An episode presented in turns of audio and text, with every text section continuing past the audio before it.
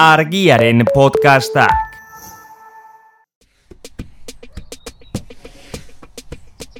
Bueno, azkenen trasumantek ba, erabiltzen dut ezkialditako eta sortzi kuadrotea, niretzi derren. Abai, txikixo. Bai, gehiago zabaltzeuten ere ustez, laukia. Bai, izenago egin Bai. dituzte. Ez da desberdintasun handia, ez ditan nire ustez. Mentxe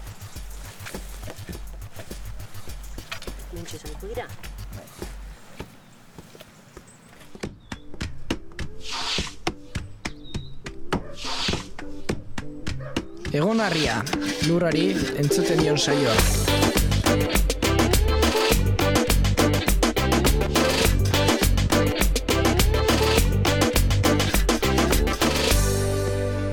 Apa, enoi, egon harrian gaitu zuen. Aurreko atalean e, lizartzan izan ginen, gaztainen inguruan izketan, akaitzekin. Eta gaur konde argiatik kanpo tokatu zaigu grabatzea, eta askainen hain zuzen. Eta Mikelakin. Mikela hogei eta bat urtez erlezain profesional gizan instalatuta dago. Profesional gizan instalatu aurretikan mundutik zehar eredu desberdinak ezagutzen ibilia. Gaur egun ekologikon, bertako erle beltzarekin lanean. Eguno, Mikela. Baita zuri ere metin? Bueno, ba, erlezaintza mundun sartzeko, iruditu zaigu tokik aproposen erlategia izango litzekela. Eta hemen zure erlategin behi da jarri aurretikan, pixkat, zure hasiera eta bueltatuko ga. Mundun zehar ibilia zea, eredu desberdinak ezagutzen, ba, nundi datorkizu zaletasun hori. Zaretasun hori, ez dakit zaretasuna den, baina eh, ni baserriko alaba, alaba bat naiz, eta mm, gusto izan nuen beti ba, baserrian edo lan egitea, etxean bertan baginituen jada erleak, eta beraz erleak beti ezagutu ditut etxean. Eta gero, gero beranduago pixkat, eh, ba, hogei urte baino gehiago nintuenean ja orduan hasi nintzen gogoetatzen.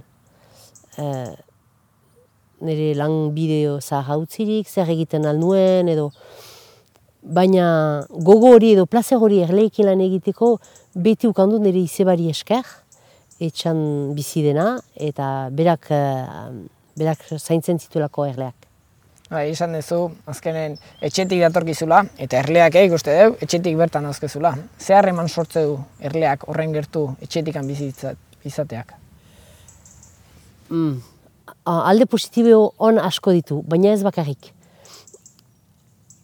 Bo, niri gustatzen zait erleak beti begipean ukaitea, zeren nola ulertzen dut pixkat beraien dinamika, zertan ari diren, udaberrian noiz hasten diren, zelorerekin hasia diren lanean, zelorek ematen duen edo, erlauntza bat ideki gabe, etxetik ber- bertatik, terrazatik bertatik, beraien soinuari esker, beraien aktivitateari esker, eta den usainari esker erlategian, badakit zertan ari diren.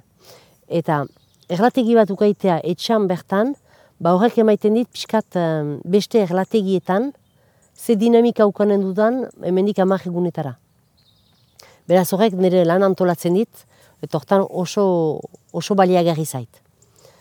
Gero, arazoa da, adibidez, uda ondarean, edo uda erditsutan, edo udazkenean ere, listor asiatiko asko denean, hemen adibidez azkenen asko bada, hor ikusten ditut erleak nola ondatuak diren, nola listorek jaten dituzen, eta horrek min egiten du. Erlezen guztieri min egiten digu, bo, abere azle guzia ikusten denean gura berak ondatuak edo hilak direla min egiten du, beraz hori da. Ba, azkenen gertutik ikuste horrek, ona bai, baina txarrare ikusten dizula. Ona bai, txarra ere pixkat. Baina, egia erran, eh, erleak ez baditut etxe inguruan, eskasa zerbait senditzen dut beti. Soinu hori ez bada, aktivitate hori ez bada, zerbait eskasa senditzen dut, beraz, ba hor ditut. Bai, bueno, ikustea, daukezu jakintza, daukezun esperientzia erlen ingurun, baina gaur egungo Mikela ospetsua erlezen bezala ez da beti hola izango. Zure hasierak izango zen ez jakintasuna, erlez gutxizekin Mikela bat, pixkat hasiera behi da, bueno, ze esango zeniguke. Ba, orain pixka dakit, baina gehiena oraindik nik uste matxin, eta ulertuko duzu gana zudena da, gehiena oraindik ikastekoa dugula erletan. Hori argiki. Eta hasi hasieran nire lehen ogibidea etzen erle zaintza. Um, ezitzaile gisa hasi nintzen lan egiten, ikasketak hortan egin nituen, kasu sozialekin, zailtasunak zituzen aurrekin, lan egiteko, eta lan egin nuen hola lau bat urtez. Baina gero oso fiteo hartu nintzen, uf, hierarkia uh, autoritatea, uh, zuzendaritza, langile nagusia, bo, guzti horrekin arazoa banituela. Ezpaina ez bat ere sortan hasia izan ani. Eta beraz, oartu nintzen, baz nola nire bizi guztian sozialean lan egiten alko. Aurrekin nuen ahreman asko gustatzen zaidan, burasoekin ere bai. Baina gero antolak eta pixu guzti hori hori ez nuen laket. Eta orduan hasi nintzen, ba, pixka gogoetatzen etxaldean instalatuko nintzela, nire anaiarekin batera, behar bada, behar bazituen behiak, ardiak. Baina berarekin instalatu ezkero beti bera arreba gazteak egituko nintzen, beti berak erartuko zituela erabakiak eta hori ere zitzaidan aproposa. Beraz, bazerretik ez erle zaintzan. Eta orduan hasi nintzen erlezain desberdinak uh, gurutzatzen, ikusteko hortarik bizitzen altzenik, eta nola bizitzen altzen, eta erlezain frango gurutzatu eta, ba orduan erabaki hartu nuen, nire lanbidea utzi, eta hor hasi nintzen erlezaintza gehiago ikasten, ulertzen, eta hortarik bizitzeko ilusioarekin. Horra ipatu ez erlezain desberdinen ajuntzinera ikastea. Egia da, mundu mailan erlezain erreferente desberdinak ezagutu dituzula. Ze esperientzia izan duzu bertan instalatu horretik, kanpoko erlezaintza ere dutan. Kanpoko erraten duzu Euskal Herrian bertan edo Euskal Herritik kanpoko eredu desberdinak ezagutu dituzunen. Ah, Euskal Herritik kanpo adibidez egon nintzen um, Ego Ameriketan, Uruguayen, han egon nintzen hiru hilabetez lan egiten, eta niretzat uh, adibide oso ona izan zen. Zan erlauntza asko dauzkate, baina material oso gutxirekin. Beren uh, etxaldeetan duten aberastasun nagusia dira erleak eta beren uh, jakite hori, erlearen kultura hori. Eta hortan, beraz, praktika hortan, asko ikasi nuen, ba, material oso gutxi behartzela, baina bai erleak asko zaindu, ikasi nola lan egiten zuten, eta mm, etxalde hartan bazitu zen lau mila bat erlauntza. Eta ara jo nintzen erreginak aztera, zeren eh, erle, erregin asko, erlauntza asko galtzen zituzten lokearen gatik. Australiatik bi urte lehenago sartu zen lokea, eta erleumeak ekarrita, uh, Uruguayera, eta godan erle asko asko galtzen zituzten, eta beraz, ara gomitatu zautaten joaitea, erreginak azteko.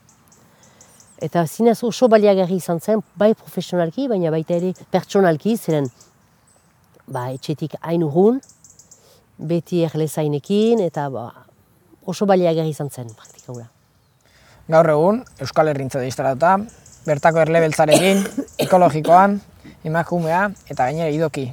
Eta Euskal Herlezaintzan aintzindaritako bat. Ze karga dauke horrek atzetik? Eh, bai, gero gero aldudan egin dut beti, baina mm, niretzat beti garrantzitsua izan da, ikusitut, asetan zuen bezala, ikusitut eredu asko. Baina zu errezaina izan ez ere, sigo naiz, zuk duzun errezaintza eta nik praktikatzen dudan errezaintza ez dela guztiz berdina. Nire ustez garrantzitsua da, bakoitzak bere eskualdean, bere tzat aproposa den errezaintza atxamaitea zu erlezaina zira, zuk praktikatzen zuen erlezaintza, eta nik dudana, nustez pixka desberdinak izanen dira. Zure lekuan instalatu baitzira, ni hemen azkainen bertan, eta beste bat baldin bada ba, Nafarroan, edo Frantziako mm, erditsuan, edo bakoitzak badu bere erlezaintza.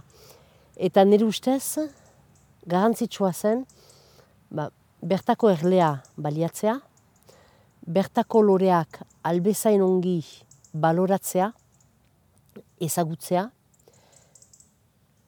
Hemen bertan ni azkain da gana ez, azkainen bizi izana, burasoak azkainen. Hemen bertan ez egin eta albezain urbil saldu. Beraz, erlezaintza simple bat eta bertakoa. Bertakoa bai agazan, bai egiteko lanean, bai loreetan eta bai salmentan ere. Eta beraz, izan dadin iduki erbel, edo um, ekologikoan izaiteak edo, ba, horiek dira netzat uh, erraimienta batzu bezala. Eta horrek laguntzen haute, ba, frogatzen dute pixkan nire lan egiteko aukerak edo manerak. Horra, ipatu ezu idoki, zer da idoki edo, ez dakio nontzat? Idoki da, um, Ipar Euskal Herrian sortu, gen, sortu zuten label bat, nik geroztik etorri bainaiz, bada hogei urte baino gehiago orain, eta da bertako laborantza bat, etxalde txikiena, ez industrializatua bat ere ez, etxalde txikiak, baserri txikiak, uh, lugaren errespetuan, errespetuan, abereen errespetuan, baita ere laborariaren errespetuan, eta noski eroslearen errespetuan. Piskat simplifikatzen dut, baina hori da um, idoki jo, jogatzen duena. Eta idokin gira egun bat um, baserritak, badira hartzainak, badira um, behiazleak, badira batzezainak, fruituak egiten zutenak, erresimentak, uh, tixanak, atekia, aragi desberdinak, eta bo, fruituak antziko ditu txiur, eh? baina hori da, da Ipar Euskal Herrian sortutako sare bat, ba, pixkat frogatzen duena gure, gure lan etika. Idoki zigiloi, salmenta zuzenki saltzen dezula duzu zure produktua. Beraz, azkenen eroslerekiko harremana zuzena da. Horreke bere karga edo zuzentasuna eskatzen du. Nola harremana eroslerekiko? Ba, garantzitsua da, eh, nik erabaki hartu nuen direktuki saltzea, zeren ez dut kantitatea ondiri produzitzen. Beraz, ditudan kantitate horiek, bertako loreakin egintako estia, propoleoa, erregin gelatea edo argizaria, adibidez, direktoki salduz, ba, balore gehiago edo presio behagoan saltzen dut, ez eta irureun kiloko kuperetan saltzen banu bezala.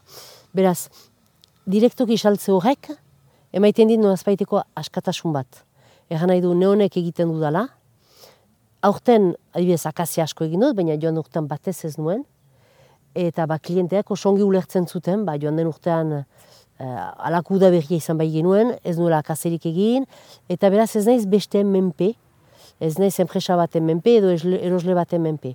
Baina bai, ala ere, astean bitan joan behar dela, oso goizik atzajerik, azokara, euria egiten baldin badu, bero egiten badu, etxan lan asko baldin bada, edo nekatu naiz ere, ara joan eta ez saldu behar dut.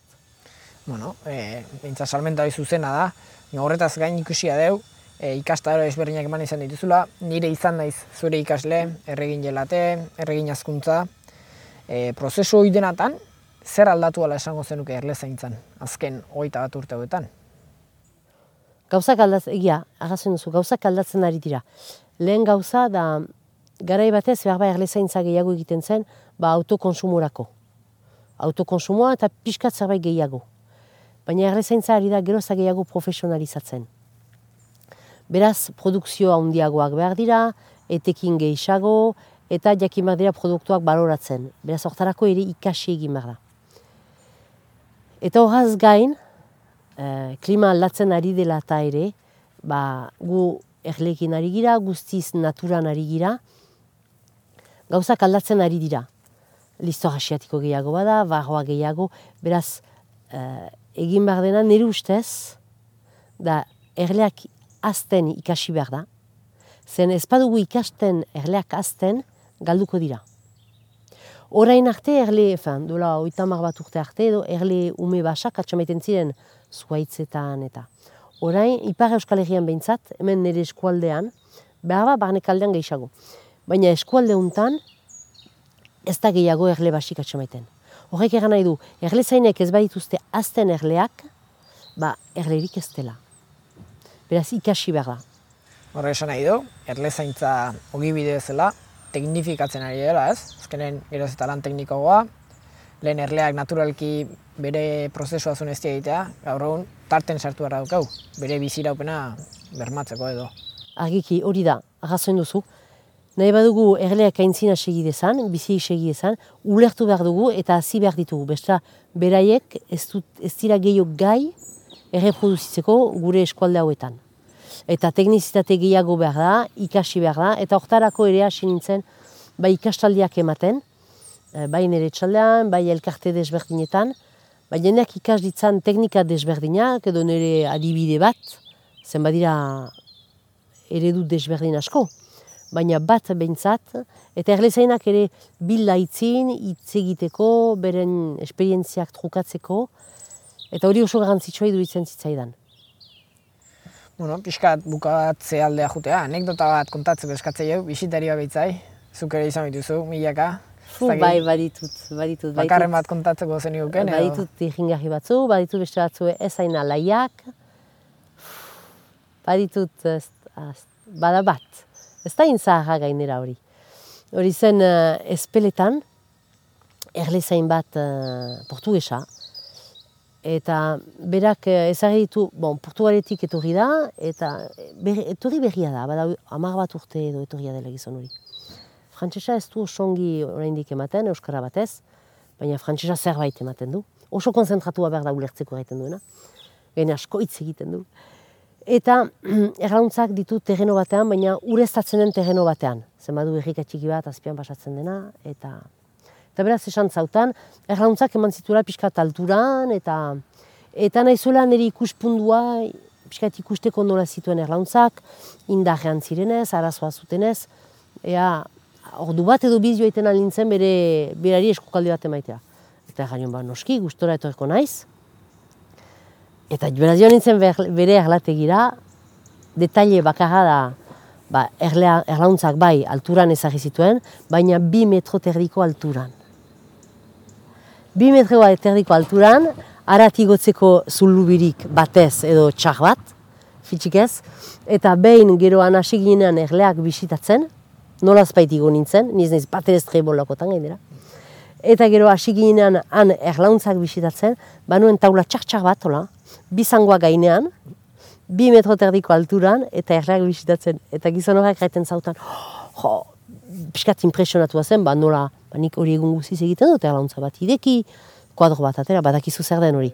Atera, bat atera, beste ideki ikusi den erregina, umea zertan den, bazka baduenez. Nik erlekin ez nuen inolako arazorik, baina bai, bere instalazio txajarekin, eta eta hortarako egin genuen, zen berak zuen kezka bakarra zen erlena, eta nik nuen kezka bakarra zen oreka txikitzean ere taularen gainean, bi metro terdiko alturan, ara, ara, eta horakoa denen anekdotak edo historioak, gertatu izan zaizkit, erlei esker, ba, egoera oso desberdinetan izaitea, jende oso, oso desberdinarekin, eta hori oso berazgarri da.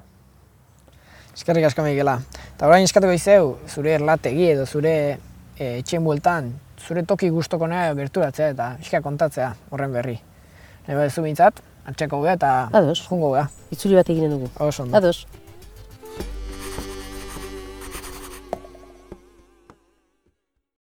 Bueno, Mikela, ekarri guzu zure txoko gustokonea. Zaldu guzu ba, ze, zer bereizte izuna honek. Hau da nire etxan dudan terraza. Eta terraza ondatik ikusten dut erlategia hemen. Beraz, ikusten dut erleak zertan diren, zeruan ere zer da bilen, ze txori edo. Ez eguraldi datorren hori txasaldea baitut.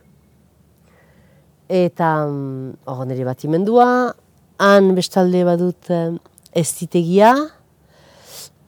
Eta nire sortetxea hemendik metro eskasetara dut, beraz, hango soinuak, norbait joiten bada autoz, edo joiten etortzen bada, edo joiten bada, badakit norbait zerbait ibiltzen dela, edo etxeko, sortetxeko mugimenduak, eta bidean ere, nire aurrideak edo auzo edo pasatzen badira. Ba, iduritzen zait hemen dena dudala, hemen naiz pixkat babesean, eta denak kontrolpean dut. Toki hau da gehien gustatzen zaidan lekua. Mendikan dena dakizu, ea bere funtzio egiten nahi dan, edo... Hori da. Egia da, aurreko asteetan euki genuen beste grabaketa bat, eta akaitzek gaztainan ingurun, gaztaina dauken garrantzia erakusteko, opari hau eman zigun zutzat. Ah, bikira, gaztain ondo bat. Oh, ja. Mi esker. Bertan gaz- sartzeko, landatzeko, eta, bueno, gaztaina jarrai dezan mintzat. Bertan ezagiko dut. Eta gaztain eztiarekin, gaztain lorarekin ez di oso edera egiten da. Beraz, eh, agian hartuko du eta ea landatuko dut ikusiko. Eta zuri ere bai, eskatuko izeu, urrengo bisitari antzako opari bat edo zerbait. Ba, Ados. Eta ba, bisitaria ze, ze lanbide Baratze egiten zaina. Baratze zaina. Ados. Uh, badut ideia bat, baina ez, ez ditegira joan bajo gira bila. Ados? Joan duzune? bila, bai? Bagoaz? Bai, martxa.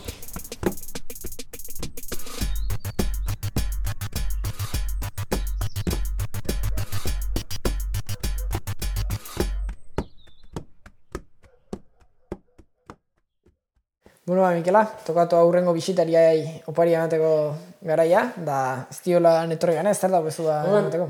Pentsatu duen, errandiazu batze zaina zela, Bai? eta pentsatu duen saboi bati, hau da saboi bat egin dudana eziarekin, argizaria eta propoleoa, erlauntzako mozkin gehienekin, eta mm, zeren eh, lujan eh, ibiltzen ditugunean eskuak, ba, lagua asko idortzen du lujak, eta beraz em, garbitzeko eta pixkat lagua goxatzeko, salboen bat nire erleek egintako mozkin desberdinekin. Ni esker. Emango jot eta Bados. ia zesaten da. Ea, ziruditzen zaion. Egin freskoa da, beraz, etxoen behar luke bizpailu aste ongi idortzeko. Tori. Nere kontu ematean. Bosongi bekin. Eskerrik asko. Zuri